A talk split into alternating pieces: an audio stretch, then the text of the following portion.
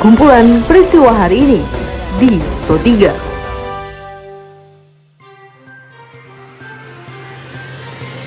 Halo pendengar, saat ini Anda sedang mendengarkan kumpulan peristiwa Pro 3.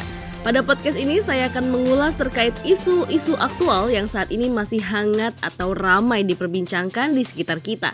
Tentu saja pendengar nanti saya akan hadirkan cuplikan informasi dari reporter kami. Bersama saya Tika Nantia dan naskah ini disusun oleh Karisma Rizky. Saya hadirkan kumpulan peristiwa Pro 3 di ruang dengar podcast Anda.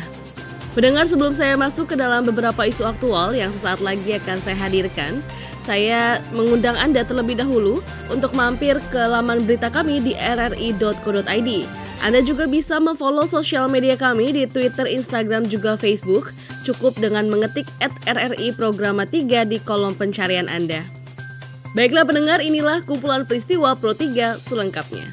Pendengar jumlah kasus positif COVID-19 di Indonesia per 3 April 2020 ini hampir mencapai angka 2000, yaitu 1986 kasus.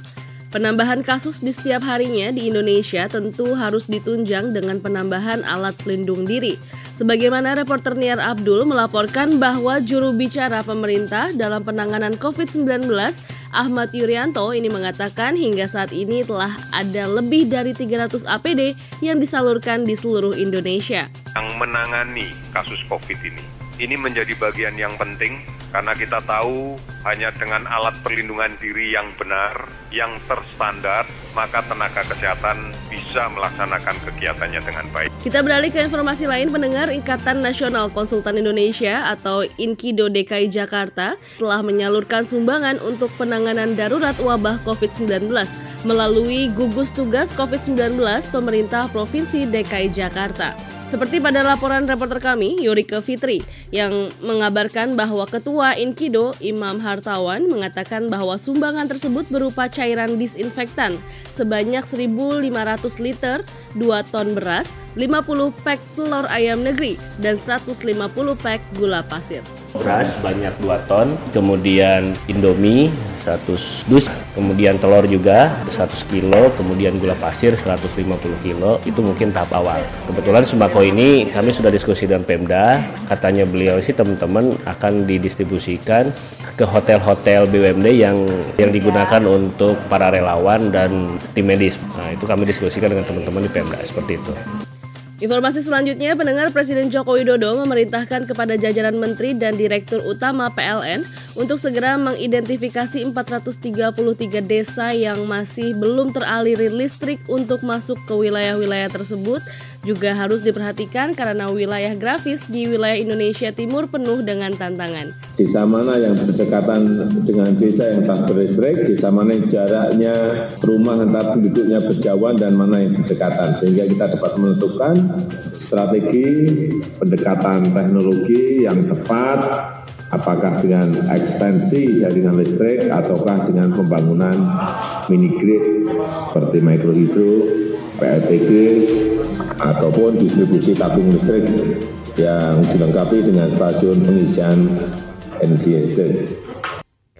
Berdasarkan laporan dari reporter kami, Pradip Terahadi, Direktur PLN Zulkifli Zaini menjelaskan bagi PLN yang menjadi prioritas yaitu adalah kepentingan masyarakat luas secara nasional akan kebutuhan listrik. Informasi selanjutnya, pendengar Wakil Presiden Maruf Amin ini menyebut akan mendorong MUI untuk mengeluarkan fatwa haram mudik lebaran pada tahun ini. Kita sudah juga mendorong MUI untuk menyatakan bahwa pada saat sekarang itu mudik itu haram hukum. Ya, sebenarnya sudah fatwa tentang sholat Jumat, fatwa tentang penanganan jenazah sudah keluar kan. Seperti yang dilaporkan oleh reporter kami Retno Mandasari, di mana Maruf Amin ketika melakukan rapat virtual bersama dengan sejumlah kepala daerah adalah untuk mengetahui langsung berbagai strategi serta upaya mengedukasi warga dalam penanganan COVID-19. Cari dari gubernur-gubernur mana yang paling efektif melakukan pencegahan-pencegahan. Kalau tidak, kita khawatirkan kemudian penyebarannya makin masif ke depan itu. Pendengar kita beralih ke informasi lain di mana Mendikbud Nadiem Makarim ini mewacanakan perubahan ujian nasional atau UN menjadi asesmen kompetisi minimum. Berikut kami putarkan keterangannya. Makanya yang telah kita lakukan dengan UN itu diubah menjadi asesmen kompetensi minimum. Asesmen kompetensi minimum itu adalah terinspirasi oleh PISA dan memang sangat mirip dengan PISA dan soal-soalnya pun mengikuti dan melekat dengan PISA. Tapi dengan asas karena PISA itu hanya untuk 15, kami akan menurunkan itu baik yang membuat SMA, SMP dan juga SD. Jadi step pertama adalah mengikuti standar internasional yaitu PISA dalam asesmen pemetaan pendidikan kita. Karena UN itu standar lokal, tapi asesmen kompetensi kita yang baru itu adalah standar internasional. Pendengar pemerintah Provinsi DKI Jakarta mengalokasikan anggaran sebesar 3 triliun untuk penanganan COVID-19 hingga Mei 2020 mendatang. Gubernur DKI Jakarta Anies Baswedan mengatakan pihaknya akan menambah alokasi anggaran belanja tidak terduga untuk penanganan dan pencegahan penularan COVID-19. Kami sendiri di DKI Jakarta, kita sudah mengalokasikan Pak pada saat ini yang sudah dialokasikan sampai dengan bulan Mei itu sebesar 3,032 triliun. Bila ini berkepanjangan sampai sesudah bulan Mei, tentu kita akan tambah lagi anggarannya. Baiklah pendengar informasi tadi sekaligus mengakhiri perjumpaan kita pada podcast edisi hari ini. Anda juga bisa mendengarkan podcast edisi hari lainnya di Spotify dengan hanya mengetik RRI Pro 3 di kolom pencarian Anda. Tetaplah menjaga jarak pendengar, tetaplah berada di rumah. Saya Tika nanti undur diri, sampai jumpa. Sejalanan ibu kota DKI Jakarta masih Kumpulan peristiwa hari ini di Pro 3.